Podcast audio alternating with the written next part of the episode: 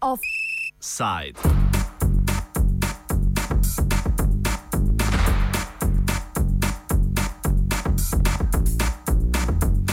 Od višjih plač do privatizacije v zdravstvu.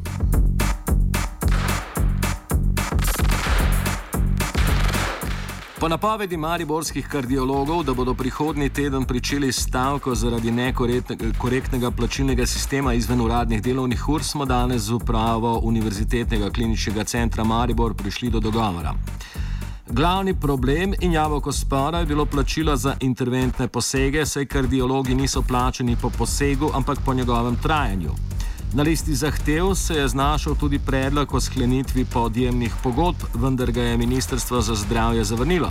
Kljub temu pa je med pristojnimi prišlo do sklenitve dogovora, stavko, ki so jo kardiologi napovedovali za ponedeljek, pa so preklicali. Več o dogovoru nam pove članica stavkovnega odbora Barbara Krunič. Do dogovora je prišlo, da se uh, zdravnikom, ki delajo posege, za 20% zviša osnovna plača. To pomeni, da tega za najnižjim količnikom okoli 300 evrov na mesec bo dobil več, ter da se vsaka ura, ki kot ko delajo poseg, se avtomatsko ena ura uh, šteje zraven dodatno, ker že uh, zdravnik na domu začne praktično uh, uh, dajati navodila in tako naprej. Te sedaj ne bo plačen izključno po uri, ampak se v vsakem posegu štela ena ura zraven. Kardiologi tem nismo zadovoljni, ampak v tem trenutku je to edina možnost uh, za ugodno razplet, predvsem za bolnike. Uh, tako da se zato smo se odločili, da nekoliko priredimo te uh, strokovne zahteve. In te so nam sedaj bile ugodene, tako da seveda stavko prekličemo. Pa sedaj na višjih distancah naloga, da to sistemsko uredijo, da bodo vsi zdravniki po Sloveniji za isti poseg enako plačani. Sindikat zdravnikov in zobozdravnikov Slovenije Fides je stavko od začetka podpiral. Borisa Rižnarja, predstavnika sindikata, smo vprašali, katera sprememba plačilnega sistema je pri mariborskih kardiologih povzročila težave. Osnova tega eh, nezadovoljstva je izvirala iz tega, ker je pred uvedbo registrirne ure eh, bilo v bistvu eh, je bil poseg plačan uh, v bistvu z določenim številom ur, uh, odvisno pač od uh, samega posega, uh, uh, in uh, seveda je to prineslo večje plačilo, kot pa potem, ko se je bilo treba torej, registrirati na prihod in odhod, in seveda, da so zadeve postale absurdne, kar se plačila tiče, so seveda ob, obračunavali že minute ne, ker uh, v bistvu je te posege potrebno uh, zelo hitro opraviti ne, in to je pa hkrati pomenilo, da si, si s tem pač poslabšal to plačilo. Ne. In zaradi tega še posebej pa je bilo problematično to, ker čež da v Ljubljani so še vedno plačani po tem sistemu, torej brez beleženja na registrirni uri, uh, Eh, prihodov in odhodov, ne, torej po starem sistemu pred uh, uvedbo registrirane ure in zaradi tega je prišlo potem do takega nezadovoljstva. Pri Fidesu pa smo to seveda tudi razumeli, nismo vedeli, da tako je, ampak uh, dejansko razumemo to, da uh, ne more biti en zdravnik v isti državi tako različno plačan za enako delo. Sindikat Fides je ustrajal pri predlogu o 20-odstotnem povišanju plače, vendar je na koncu prevladalo mnenje, da čim prej pride do dogovora med vsemi sodelujočimi organi. Predlog o plačilu preko podjemnih pogodb se je sindikatu zdel nerealen. Nekaj več o tem pove Kruničeva temi pogodbami bi lahko uh, se potem to delo tako posebej obreznotilo, kar pomeni, da bi lahko bilo uh, bolje plačano, vendar pač ministrstvo mnenja, da te pogodbe za te posege niso, se ne smejo izdajati. To je bila, to je bila možnost uh, UKC Maribora, da bi lahko te zdravnike uh, plačal po posegu in ne na uro. Fides pa ob tem že obljublja, da bo predlagal reforme znotraj zdravstvenega sistema, o katerih se bodo pogajali z novo vlado. Rižnar.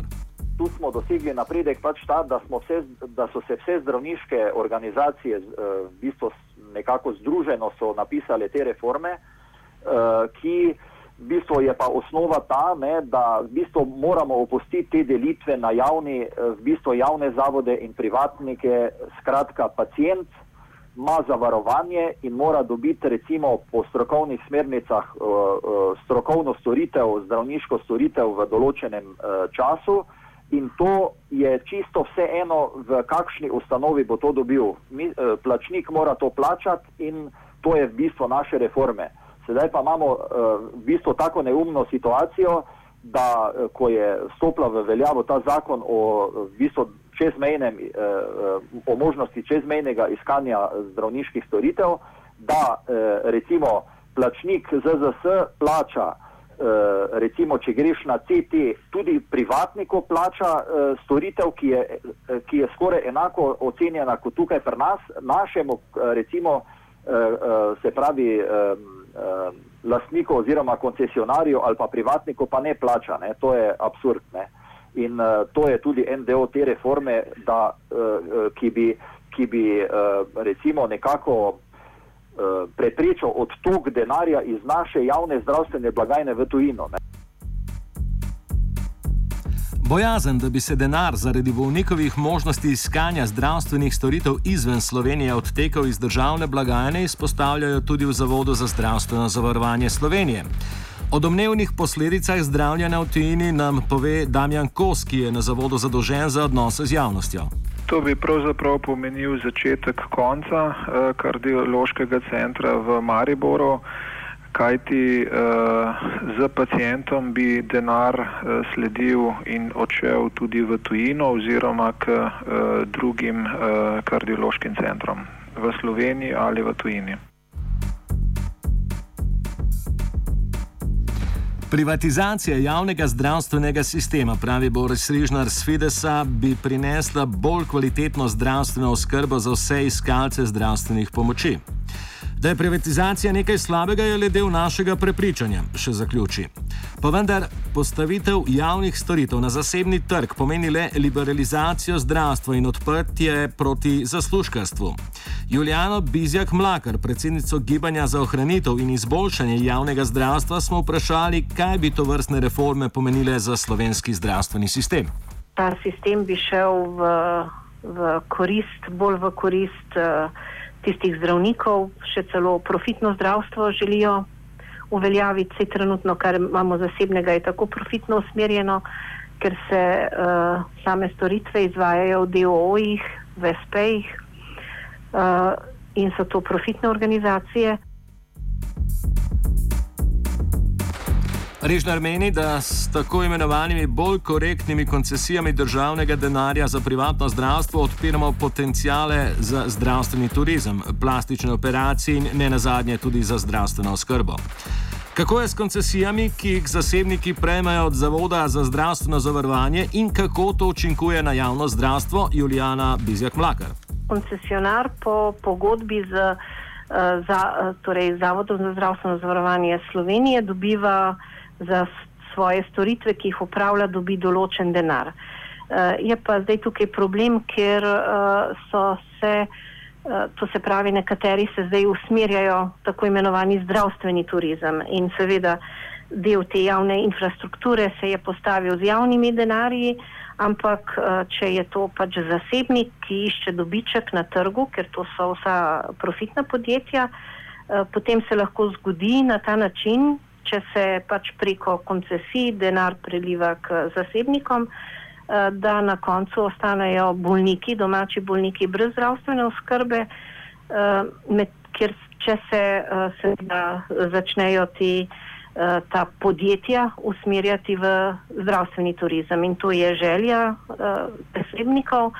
Zaradi tega seveda pomeni, da mora država poskrbeti, krepiti javne zavode, Eh, ki so v 100-odstotni lasti države oziroma občin, zaradi tega, da bodo eh, lahko poskrbeli za zdravstvene potrebe naših prebivalcev.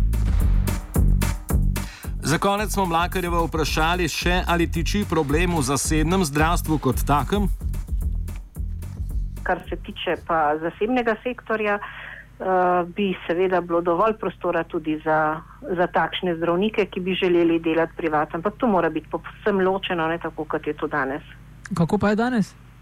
Ja, danes je vse zmešano, mal privat, mal.